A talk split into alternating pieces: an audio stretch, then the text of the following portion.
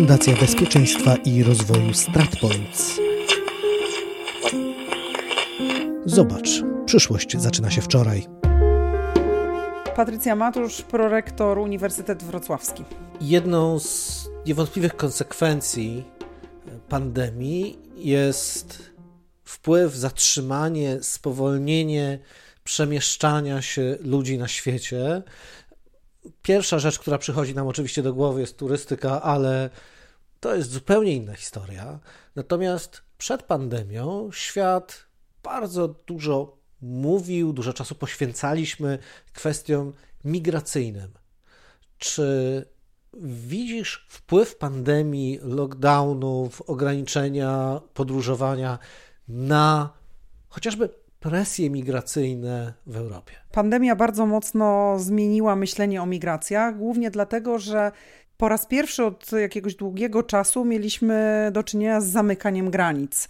E, i ten przepływ ludności został bardzo mocno ograniczony. Migracje oczywiście w takim rozumieniu nie turystycznym, e, że możemy wyjeżdżać, ale migracje zarobkowe wiążą się oczywiście z różnymi e, restrykcjami czy, czy ograniczeniami w postaci wiz, pozwoleń na pobyt, pozwoleń na pracę.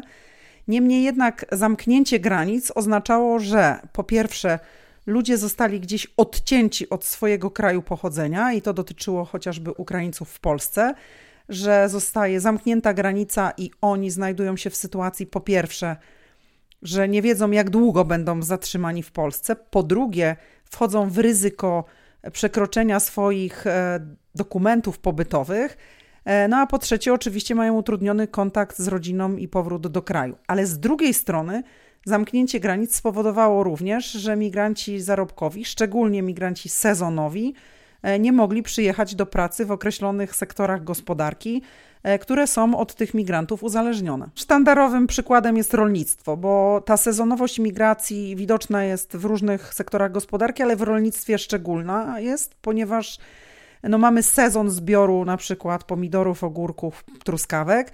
I w tym okresie rolnicy potrzebują rzeczywiście pracowników z zagranicy. To nie dotyczy tylko Polski, ale szerzej głównie na przykład krajów południa Europy, Włochy, Hiszpania, bardzo mocno Hiszpania. Ale skoro pandemia i te ograniczenia trwały przez dwa lata, w związku z tym rolnicy albo całe sektory gospodarki musiały albo sobie poradzić bez nich, albo zbankrutować. W związku z tym to może mieć wpływ na przyszłość, bo jeżeli się okazuje, że ci ludzie może nie są tak bardzo potrzebni, to kto mówi, że za rok, dwa znowu będą? No właśnie, pandemia wyraźnie pokazała, że te sektory gospodarki, czyli na przykład rolnictwo, są uzależnione od pracowników z innych krajów.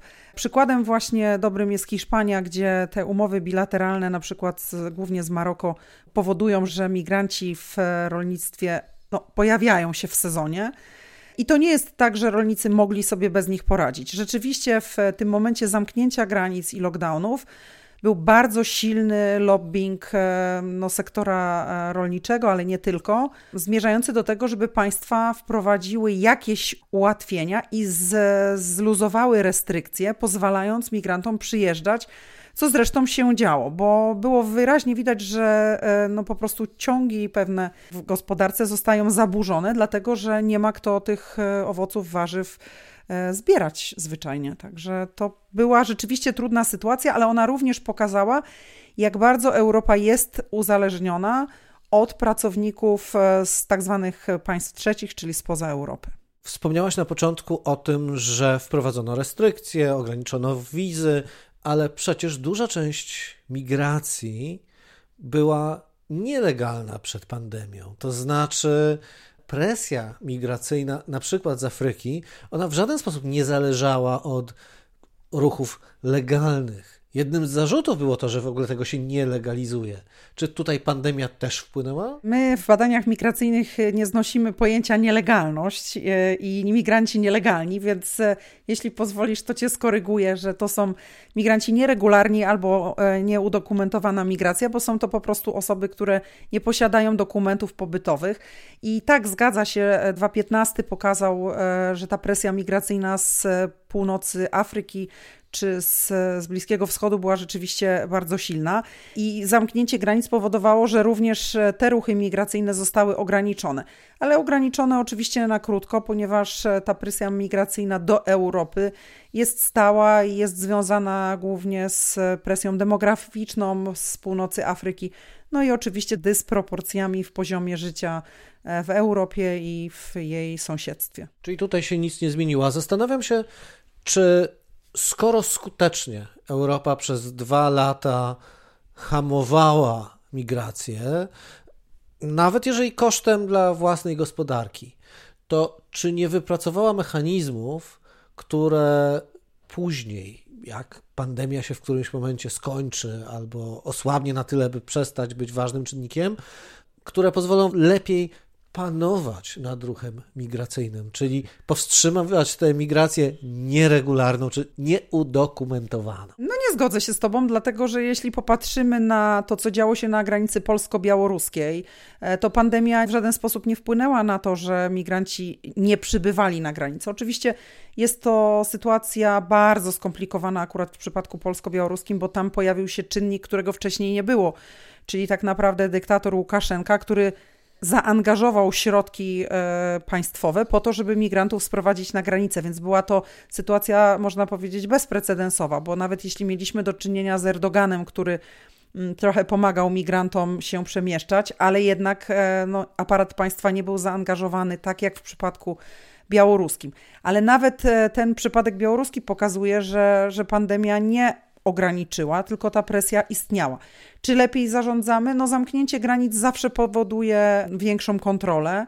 E, natomiast e, pytanie zasadnicze jest takie, czy Europa jest w stanie poradzić sobie bez migrantów. Jeśli popatrzymy na takie czynniki makroekonomiczne i zapotrzebowanie na rynku pracy państw europejskich, w tym Polski, która się stała w ostatnich latach absolutnie zależna od pracowników e, głównie z Ukrainy, to odpowiedź jest taka, że nie jesteśmy w stanie zatrzymać e, migracji i też nie możemy sobie pozwolić jako gospodarki europejskie na to, żeby się odciąć od migrantów, bo nie mamy pomysłu na chociażby zwiększenie dzietności czy zmienienie trendów demograficznych w starzejącej się Europie.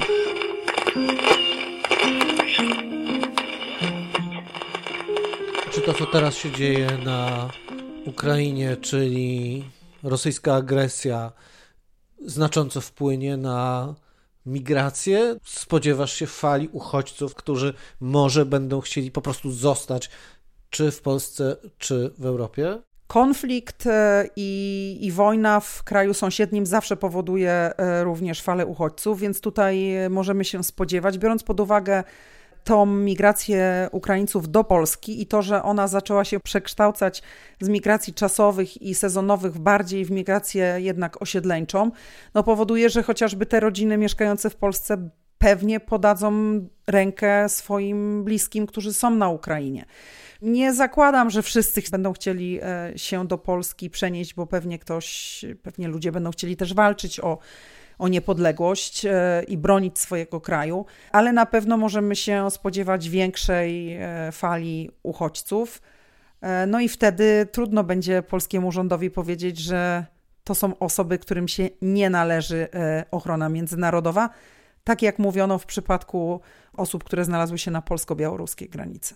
Ale też nie mówiono tego w stosunku do Białorusinów wcześniej, nie mówiono tego w stosunku do Ukraińców wcześniej, w związku z tym możemy podejrzewać, że to były czynniki tak naprawdę czysto polityczne, które powodowały, że pewne grupy migrantów były wykluczane e, z tego systemu pomocy. Natomiast czy my jako społeczeństwo, jako kraj jesteśmy gotowi, przywykliśmy, czy oswoiliśmy się z myślą, że nie tylko powinniśmy pomóc ludziom potrzebującym tego wsparcia, ale także ich po prostu potrzebujemy tutaj i to na stałe. Myślę, że z tym, że migranci się w naszej przestrzeni pojawiają i że stają się częścią naszych e, lokalnych społeczności, to już zaczynamy się e, przyzwyczaić. Prowadzę teraz badania i rozmowy w mniejszych miejscowościach, takich e, pięciotysięcznych, dwudziestotysięcznych, w których właśnie słyszę, że tak już przywykliśmy e, do tego, że tutaj się mówi po ukraińsku, że mamy e, Ukraińców, bo oni wbrew temu, co my tak e, myślimy, nie mieszkają tylko w dużych miastach, tylko coraz częściej właśnie w mniejszych miejscowościach. Natomiast czy jesteśmy przygotowani na dużą falę uchodźców? Chcę wierzyć, że tak, aczkolwiek te badania prowadzone w, w czasie konfliktu na granicy polsko-białoruskiej pokazywały, że ten duży strach przed obcymi jest. I oczywiście e, ty podkreślałeś, że oni są inaczej traktowani, ale czym różni się wojna w Syrii od wojny na Ukrainie i czym różnią się ludzie szukający bezpiecznego miejsca do życia przybywający z Syrii od tych uciekających z Ukrainy. Nie uważam, żeby należało ludzi tak rozróżniać, natomiast to rozróżnienie stało się faktem. I teraz, czy w przypadku na przykład dużej fali migracyjnej do Polski z Ukrainy będziemy mogli liczyć na w jaki sposób na przykład te mechanizmy dystrybucji, proporcjonalności, których sami odmówiliśmy zastosowania y, przy okazji kryzysu 15 roku? No właśnie, to jest bardzo dobre pytanie i, i też e, taki punkt do, do przemyśleń i do dyskusji. W 2015 roku powiedzieliśmy, że to nie jest nasz kryzys, że kryzys uchodźczy w 2015 roku nie jest problemem Polski, jest problemem innych państw europejskich. Jeśli jesteśmy członkiem Unii Europejskiej, stosujemy zasadę solidarności, to powinniśmy wówczas przyjąć ten mechanizm relokacji, który zakładał 7 tysięcy, przyjęcie 7 tysięcy uchodźców w Polsce. To tak naprawdę w skali tego, o czym myślimy dziś, e, myśląc o Ukrainie, to jest żadna liczba. E, I teraz e, to bardzo mocne upolitycznienie tej kwestii w kampanii wyborczej 2015 roku powodowało, że będzie nam trudno prosić o pomoc teraz, kiedy my tej pomocy będziemy być może potrzebowali. Nie tylko my, ale również uchodźcy z Ukrainy. Więc takie deklaracje i taka polaryzacja trochę stanowisk w obrębie Unii Europejskiej powoduje, że no właśnie, że kogo my dziś poprosimy o pomoc, jeśli takiej pomocy będziemy potrzebowali.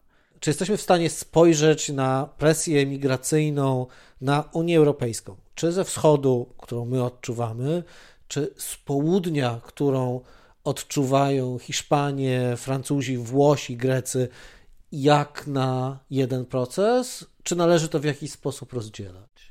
Oczywiście, że szlaki migracyjne są różne, bo mieliśmy ten południowy, mieliśmy szlak bałkański, teraz być może zostanie otwarty ten wschodni.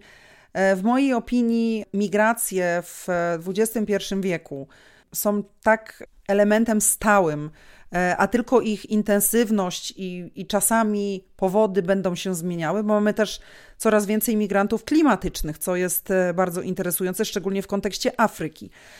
Więc te powody migracji i liczby oraz szlaki migracyjne będą się zmieniać, ale z presją migracyjną będziemy musieli żyć. Więc teraz trzeba zadać pytanie, czy kraje członkowskie Unii Europejskiej mogą radzić sobie z tym same, czy jednak powinniśmy dążyć do budowania wspólnej polityki migracyjnej, nie tylko wspólnej polityki ochrony granic, ale szerzej wspólnej polityki migracyjnej oraz integracji migrantów, bo e, ja bardzo lubię powiedzenie, które mówi o tym, że integracja zaczyna się na drugi dzień, czyli po tym jak migranci przyjeżdżają do danego kraju, budzą się w nowej rzeczywistości, to od tego momentu zaczynają swój proces integracji. I integracja to jest e, kolejny temat bardzo ważny dla państw członkowskich. I tylko solidarność i wspólne budowanie wiedzy na podstawie wspólnych doświadczeń może powodować, że będziemy tą migracją zarządzać skutecznie, a ona jest nam zwyczajnie potrzebna, no tak jak mówiliśmy na początku. Zobacz, co się wydarzyło. Zaczęliśmy rozmawiać o covid i o wpływie pandemii na kwestie migracyjne, po czym rozmowa nam przeszła na klimat, politykę i presję migracyjną, która była, jest i będzie. Czy to znaczy, że w sumie pandemia, jakby bolesna i problematyczna nie była w skali dwóch, trzech, czterech lat, tak naprawdę nie jest czymś, co wpłynie w sposób znaczący na te ruchy ludności, na sposób życia, na zmiany demograficzne, które, które obserwujemy. Myślę, że pandemia na chwileczkę zachwiała tymi przepływami migracyjnymi. Spowodowała też, że migranci mieli wiele takich stresujących momentów, tak? bo chociażby to, czy będą legalnie, czy nielegalnie w danym kraju w sensie e, dokumentów pobytowych i wiele krajów, w tym również Polska, co akurat e, muszę powiedzieć, było bardzo wartościowe. Pozwoliła migrantom przedłużyć swoje dokumenty e, w czasie pandemii. I ona oczywiście w pewien sposób zdestabilizowała e, zarządzanie migracjami, to jednak pandemia nie wpłynie na to, że presja migracyjna ustanie, czy ruchy ludnościowe ustaną. I Europa powinna przemyśleć strategię tego, kogo będziemy mogli przyjąć, kto jest nam potrzebny i w jaki sposób będziemy mogli wpłynąć na to, żeby ci ludzie się integrowali i budowali nasze nowe, wieloetniczne społeczności, bo my już nie będziemy mówili e, w perspektywie 20 czy 30 lat o państwach narodowych w takim sensie, jak to było 50 czy 60 lat temu. Przestajemy mówić o narodach etnicznych, zaczynamy mówić o narodach politycznych, czyli takich jak Stany Zjednoczone, czy takie jak w tej chwili stają się w Wielkiej Brytanii czy w Niemczech. E, nasz też, rozumiem, ten proces pewnie czeka, nawet jeżeli bardzo nie chcemy się do tego przyznać. No oczywiście budowanie takiego mitu e, jednoetnicznego narodu jest e, no moim zdaniem nieuprawnione, biorąc pod uwagę te właśnie zmiany. Choć, żeby powiedzieć coś optymistycznego e, o nas samych, to Niemcom zajęło kilkadziesiąt lat powiedzenie, że my nie jesteśmy już. Niemcy powtarzali, że Deutschland ist kein Einwanderungsland, czyli że nie jest krajem migracyjnym. I dopiero w 2001 Rita Zysmuth ze swoim zespołem powiedziała, że tak, my jesteśmy już krajem migracyjnym i imigranci są częścią tego społeczeństwa. E, więc to jest oczywiście długi proces, natomiast no, patrząc na kraje Europy Zachodniej, raczej nieunikniony.